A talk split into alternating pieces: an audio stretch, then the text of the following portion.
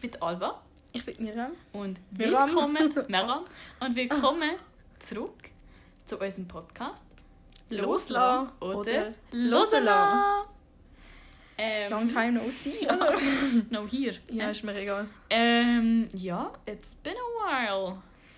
Falls ihr euch fragt, falls du dich fragst, wo bist du gsi Ja. und wo ist die Alva gsi? Und wo war die Miriam? Gewesen? Falls sich das jemand fragt, aber ich glaube, das Ja, vielleicht trägt's- fragt man sich das. vielleicht Und wir können sagen, wir haben weiter existiert. So. Wir sind einfach ein bisschen untertaucht. Aber es ist ein bisschen lustig, wie das haben wir bei der letzten Folge glaub ich, auch schon gesagt. wir haben low-key eine Coming-Back-Folge gemacht. Genau. Nur damit wir dann wieder können uns verpissen. Genau. Ich finde, das ist eine starke Leistung. Aber ich finde eigentlich. So spielt das Leben halt. Ja, aber ich meine, der Grund dafür war ja eigentlich auch so, so ein bisschen, dass wir so ein bisschen teilweise auch krank waren und Also teilweise auch. ich. Genau, und dass wir teilweise auch Ferien hatten und all das, so ein bisschen dazwischen. Genau, und dadurch ist halt unser ganzer Terminkalender. einmal auf den Kopf gestellt werden. Ja. Oder? Ähm, und darum, das ist tut uns natürlich leid, falls Darum uns sind wir jemand- heute zurück mit guter Laune und der Frage, Nein, hast du gern? du ja lecker Rollercoasters. Ja, nein, äh, eigentlich das ähm, ist das Hauptthema vom heutigen Tag Spaß. Loki nicht. Ähm, Loki nicht. Soll ich das jetzt einleiten? Ja, nein. Okay, also ich weiß nicht, ob sich irgendjemand aus der weiten Welt daran erinnern kann, aber es hat mal eine Zeit gegeben, 24 Stunden, Mhm. da hat es in der Story von Losela, Auf Instagram. nein, lose.la mit H auf Instagram, Da kann man uns auch folgen, wenn man einen Link gehabt, beziehungsweise er ist eigentlich nicht mal in der Story, gewesen, es ist der Hinweis in der Story gewesen, und in der Bio ist der Link schnell gewesen für das Telegram-Profil. Hallo, das ist Alba aus dem Schnitt. Ich kann mal sagen, die Miriam meint nicht Telegram, sondern Telemonym. Genau. Adios. will. Mhm. Von Losela. Genau. Und mit dem Aufruf, dass doch irgendwelche Fragen oder Anregungen sollten dort rein trudeln. Mhm. Und wir haben sehr, sehr viel Konstruktives bekommen. Zum Beispiel eben, du ja lecker Rollercoasters. Und darum haben wir gedacht, wir tun das jetzt ein bisschen äh, anschauen zusammen. ja, safe. Und alle pickt einfach mal eine aus, mit der Ja. wir aber, aber nicht Rollercoasters. Okay. Aber willst du es noch sagen? Hast du gern Rollercoasters oder hast du nicht gern? Nein, l- mm, mm, nein, Mhm. weil ich vertrage so etwas irgendwie. Also erstens habe ich Höhenangst. Zweitens mal bin ich, ich weiß, ich bin einmal mit meiner Cousine und meiner Schwester auf, äh, also äh, ich, was zählt eigentlich alles unter Rollercoasters? Eben so alles, was aus dem Freizeitpark so ein bisschen Schon. ab- Ich, ha- ist es nicht einfach nur mit, ja, etwas, ja, auf jeden Fall. Aber bin ich in so einem, man kennt sich so den langen Arm mit diesen, es, ist so, es hat glaube ich so sechs so Sitz, so angeordnet sind, dass man sogar reingeschaut und der schwingt dann so um. Mhm. Und es war fucking scary. Gewesen. Und ich habe runtergeschaut und ich habe so, es, du, es hat dich wie so über den Parkplatz geschwungen. Oh. Und es hat dort so einen Lastwagen gehabt. Und ich war so, wenn ich jetzt Nein. runtergehe, dann bin ich einfach Im Lastwagen? zersplittert im, auf dem Lastwagen, wo auch immer. Es war nicht lustig, gewesen, also nein, Mhm. I do not like Rollercoasters. Mega schade. Ja, ich eigentlich auch nicht. Also, ich bin wirklich mehr so... Also ich mache so die einfachsten, aber das ist für mich schon mega die Überwindung. Mhm. bin da öfters dafür ausgelacht. Hast du aber... erzählt, hat es ein Eichhörnchen. Jö! Ja, ich sehe es. Jö. Ja, Skum. sorry. Also. ähm, eben, ich finde es ein bisschen überwindig. So. Ich mache es eigentlich schon, aber eben nicht die krassen Sachen. Ja, ein Safe nicht. Ich verstehe das auch nicht, wieso ich sollte Geld dafür ausgeben, dass ich mir in die Hose schieße. Weil dafür, nein, nein, sorry, nein. ja. Nein, wirklich verstehe ich nicht. Also, w- alle machen das, was sie wollen, aber ich, nein. mhm. Aber ich mache es Ich nicht. mache nicht das, was ich will. Ja, schön. Okay, willst du weitermachen? Ähm, ja, okay, zweite Frage. Aha. Ähm, was ist dir wichtig an Oh Freundschaften? nee, Digga. ja, was ist mir wichtig an Freundschaften?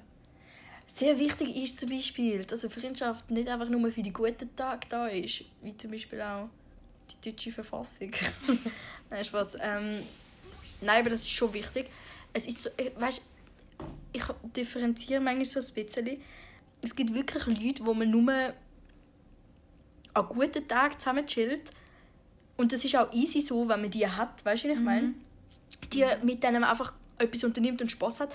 Und es ist aber du kannst das, du kannst, solltest solche Nummern haben, wenn du auch welche hast, die immer für dich da sind, weil sonst bist du fucking lonely. Okay. Ist runtergefallen. Sorry, das Eichhörnchen hat gerade einen Sprung vom einen Baum zum anderen gemacht. Das hat richtig crazy ausgesehen. Ja, der ganze Baum wackelt vor allem auch. also Ja. Ui.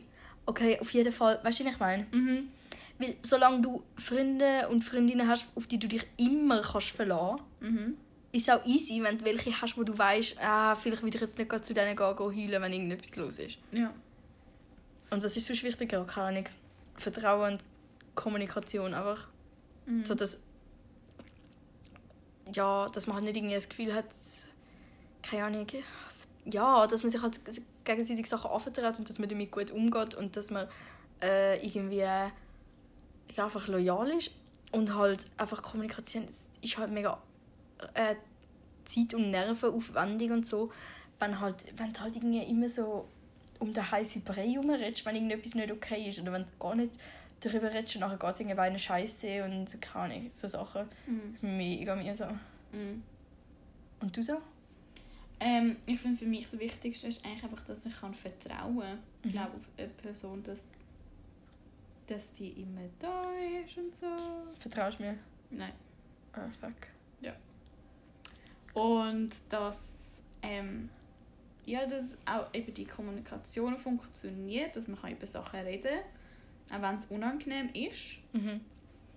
Und ich will auch, dass man, dass, ich so, dass man so das Gefühl hat, dass man sich umeinander sorgt. Ja, voll. Ja.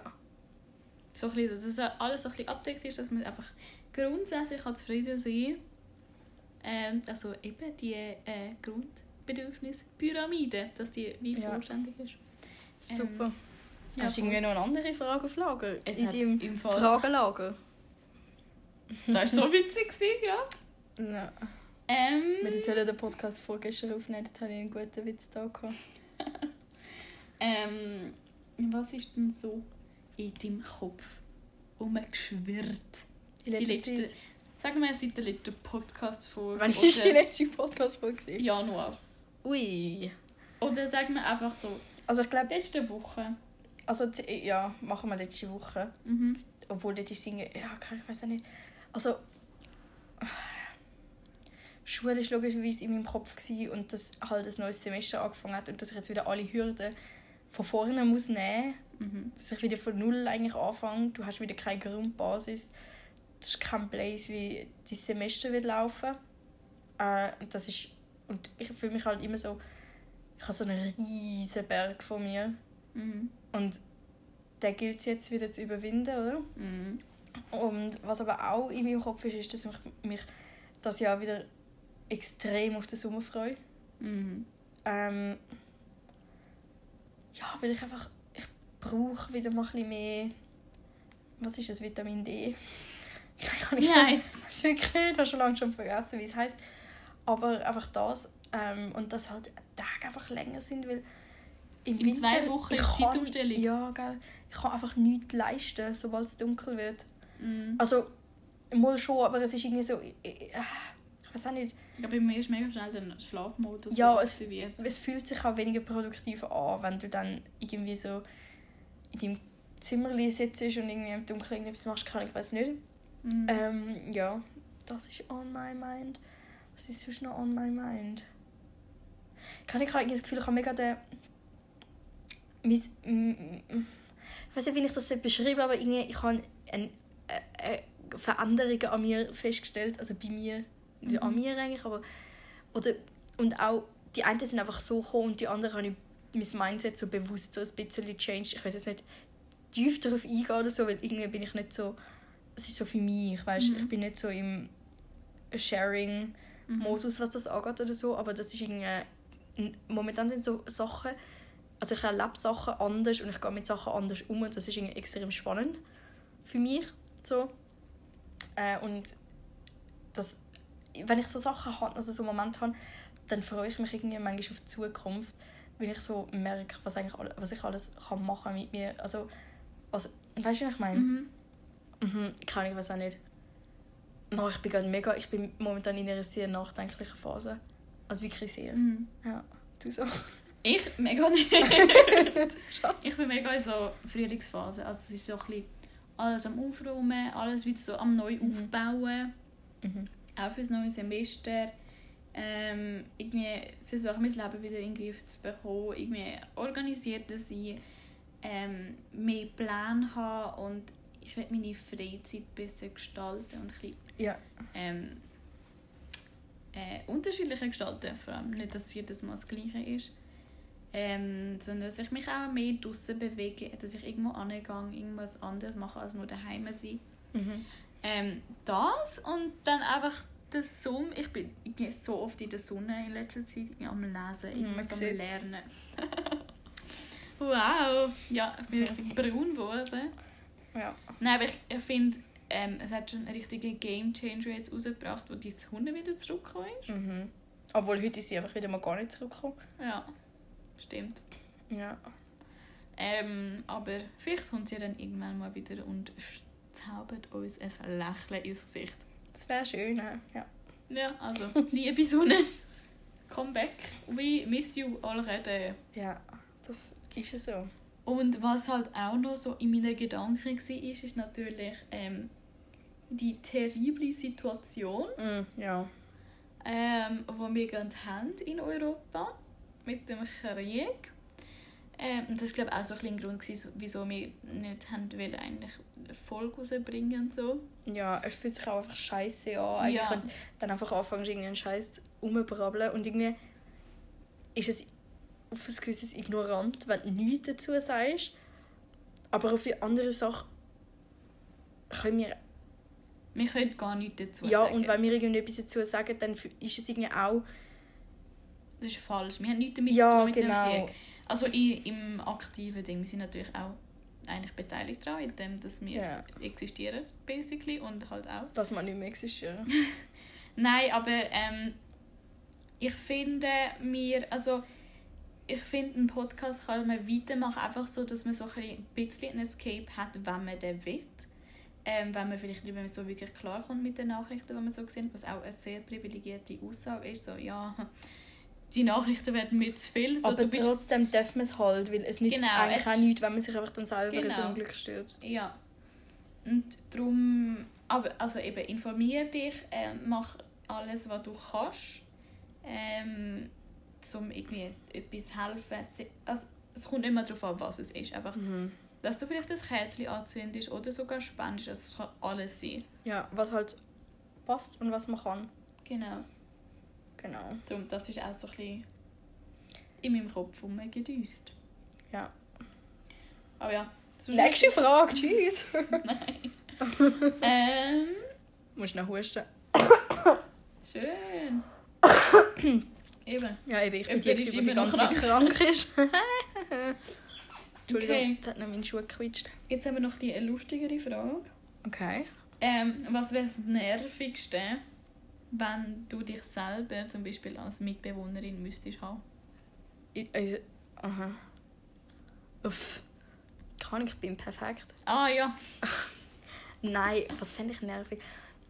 Dann muss ich mir jetzt ja mega eingestehen, dass irgendetwas voll scheiße ist. Uff, uff. Ganz schwierig.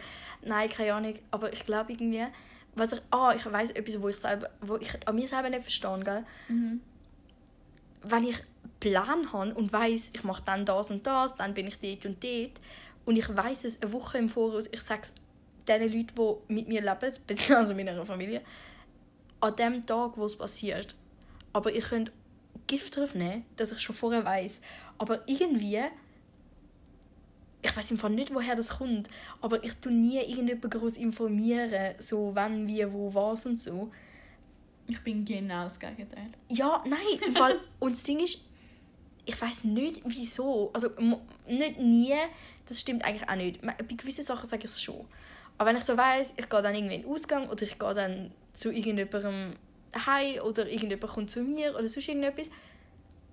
Ja, nein, ich erzähle das, ich weiß es eine Woche vorher, aber ich erzähle es einen Tag vorher oder am Tag, wo es passiert oder ich weiß auch nicht, ich bin irgendwie, das würde mich glaube nerven, weil dann kann halt niemand so richtig. Also es, es kommt halt alles so überraschend irgendwie und je nachdem passt es einem dann selber null in den Kram so rein. Und das würde mich glaube ich anschliessen. Ich hätte die, es ist jetzt nicht so, dass ich nur das habe, was mich wird nerven ich glaube, ich bin schon, ich könnte, also es gibt schon noch viele andere Sachen, die mich nerven, aber das ist so etwas, wo wahrscheinlich sehr weit oben auf der Liste wird stehen. Und zu fest mit meiner negativen Eigenschaft will ich mich auch gar nicht auseinandersetzen. Oder? Das muss ich Ja. auch gar nicht, das sind ja die Leute um mich herum. Nein, schon. Ähm, und das Spaß, ist wir genau sind der natürlich- Ansatz, den wir nicht wollen. Wir sind natürlich ständig auf dem Weg zu der Verbesserung. Verbesserung und was Wir kann man sind machen, um reflektierte Menschen. Ja, was kann man Und machen, du um sich solltest es anders auch verhalten? sehen. Genau. Stell dir die Frage auch mal und dann siehst Und ja, falls, falls, wenn wir gerade dabei sind, ist mir jetzt gerade in den Sinn gekommen, schreib uns doch mal ein DM von einem Wort oder es kann ein Nomen sein, es kann ein Verb sein, ein Adjektiv, es kann irgendetwas sein, was du mit unserem Podcast in Verbindung bringst, okay? du, ist okay. Wegen, du weißt, was ich meine, oder? Mhm. Ja. Ja, schöne. Danke für das, bitte, weil das ist spannend. Mhm. Und du so? Was ähm, würde dich so nerven? Okay, frag mich zuvordernd. Ich fordere aber eine Antwort. Ähm, ich glaube, an mir würde halt auch wirklich so ein bisschen nerven, dass ich so mega ähm, organisiert bin. Und so mega muss sauber haben, überall, alles. Nein, aber das finde ich ist einfach ein Muss. Ja, aber es gibt Leute, Die schiessen es an. Ja. Und das wird, aber wenn du es willst, super haben, dann würde dich das anschießen, wenn du dich selber als Roommate hättest. Weil du würdest es ja so wählen, dass es so ist. Ja, ich ich würde glaub zum Beispiel schon. nicht wählen, dass andere mir nichts erzählen, aber du würdest dann nicht wählen, dass andere Leute sauber und organisiert sind. Nein, ich will nicht, dass andere Leute mir sagen, Alva putz. Ah, das machst du, ui, nein, einfach, oh. uah. Ich, ich putze auch selber, Ja. wenn es mich richtig, richtig nervt, wenn es so unter den Nägeln brennt. So. Aha, okay. dann putze ich selber. Aber ich bin auch so, also du jetzt sind da schon seit zwei Wochen deine Scheiß, was auch immer am Mhm. rumliegen. Mach's jetzt weg. Ja, okay. Danke. Ja. So eine bin ich. Und ich finde es bei mir selber nicht geil, aber ich meine, selber äh, bin ich perfekt und bin immer aufräumen. Stabil. Ja, Das ist heisst, gut. Fazit von der ganzen Diskussion, wir sind beide perfekt. Perfekt einfach. Ja, Ja. Ja. jetzt Es ist auch behauptet. Ja. Ja. Soll ich auch nicht Sonnenbrille abtun? Lass mal den Vibe fühlen Ja, von wir haben Sonnenbrille. Sonnenbrille drinnen, mach auch. Ich schaue einfach, wie hypnotisiert dort raus die Wir haben Nichts. gerade den feisten Front vor uns. Ja, Ja, Darum haben wir und- auch das äh, eigentlich schon nicht gesehen. Ja, genau. Und ich bin voll, voll abgelenkt worden. Irgendwie. Kannst du weitermachen? Nein, weißt du, was Ich wollte bin ich noch wollen so am machen? Geniessen. Weißt du, was wollte ich wollen machen? Können wir das mal umdrehen, was du denkst, würde dich an mich nerven und ich, was würde mich an dir Du hast nerven? irgendwie mega falsch gesagt. Ja, okay. Ja, ich weiß, ich habe gerade auch gecheckt, ich habe ähm, fett Scheiße gelabert. Dann bin ich Brille stecken, ich muss wieder weg. da. Ah, ich Ähm, nicht. ich glaube, an dir würde mich nerven. Ja, eben, dass du so nie erzählst, was so. Das Wenn weißt du du gar nicht, dass ich was- das dir gemacht habe. Dir erzähle ich, weißt du, wie du viel. hast. Ja, aber wenn, wenn ich in der Situation wäre von deiner Familie. Aber du hättest das ja gar nicht gewusst, wenn ich das jetzt nicht gesagt hätte. aber genau das würde mich nerven. Okay, aber dann würde ich genau an das denken, was du gesagt hast. Mensch! Hä? Du bist so eine Nahmacherin, einfach genau das zu sagen. Aber ja, mit dem wären wir wahrscheinlich nicht so die perfekte WG-Mitbewohnerinnen füreinander. Aber ich vielleicht ja schon, weil wenn du dich super haltest und ich mich super halte, dann hätte ich. Kein Problem. Nein, dann hättest du kein Problem mit Nein. mir, aber ich immer noch eins mit dir. Ja, das ist mir egal. Okay. Ja, dann hätten wir ein Problem.